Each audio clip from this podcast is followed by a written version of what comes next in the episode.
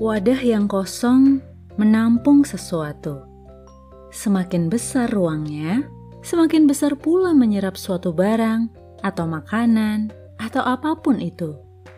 Ketika kapasitas hidup kita penuh, kita bisa melimpahkan hal yang baik pada sekitar. Namun, jika kosong atau bahkan bocor, akan selalu membutuhkan limpahan dari yang lain. Tidak akan pernah merasa cukup tidak akan pernah penuh.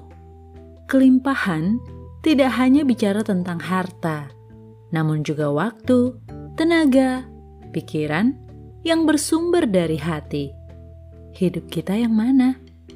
Memberi dari kelimpahan atau sekadar menampung kelimpahan?